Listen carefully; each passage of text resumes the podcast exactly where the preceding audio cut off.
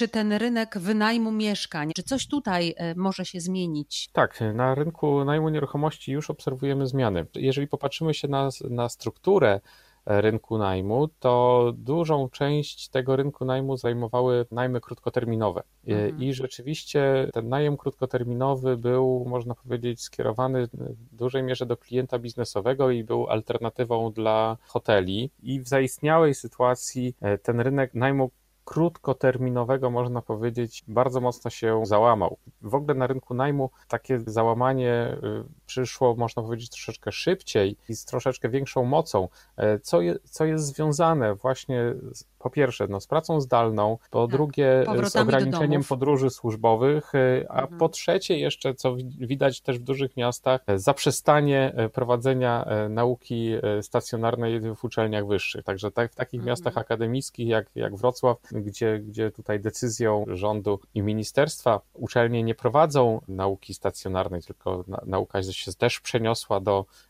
internetu i kształcenie studentów też się przeniosło do internetu, to w takich miastach e, to szczególnie, e, szczególnie widać. Zatem ten rynek najmu cierpi, można powiedzieć. Była to ostatnimi czasy dobra, do, było to dobre uzupełnienie inwestycji w nieruchomości. Tak jak już też wspomniałem, ten rynek najmu krótkoterminowego przeżywa obecnie no, Mam nadzieję, że chwilowy kryzys, bo jednak e, z punktu widzenia gospodarki najlepiej by było, gdyby wszystkie obszary gospodarki wróciły jak najszybciej do normalnego e, funkcjonowania.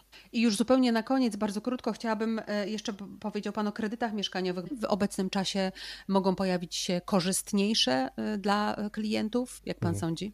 Jeśli chodzi o, o, kredyty, oczywiście, e, oczywiście można powiedzieć, obecnie mamy taką sytuację na rynku kredytowym, gdzie z jednej strony mamy najniższe stopy procentowe no, praktycznie w historii naszej, z drugiej strony, z drugiej strony wszystko zależy od tego, co będzie na rynku pracy, no i z trzeciej strony e, wszystko jeszcze dużo zależy od tego, jakie wymogi będą stawiały ba banki przed e, kredytobiorcami, a więc na ile zaostrzą swoją politykę kredytową, jak będą weryfikowały, jak będą podchodziły do zdolności kredytowej, do wkładu własnego. W porównaniu e, do oprocentowania chociażby lokat, e, tak jak mówiłem, inwestycja w nieruchomości jest w tym momencie opłacalna. Jeśli chodzi o dostępność kredytu, on jest obecnie dostępny i można powiedzieć, jest kredytem w miarę tanim. Tutaj niewątpliwie istotną rolę odegra to, co się zadzieje na rynku pracy. Jeżeli Polacy nie będą tracili pracy, jeżeli zostaną utrzymane miejsca pracy, nie będzie, nie będzie drastycznie wzrastało bezrobocie, tak jak mhm. to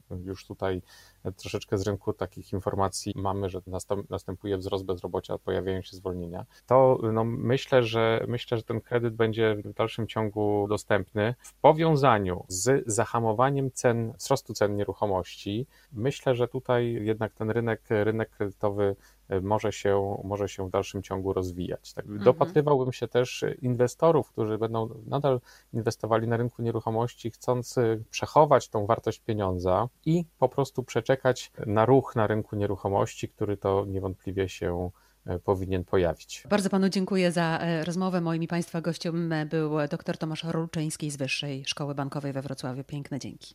Dziękuję. Dobranoc.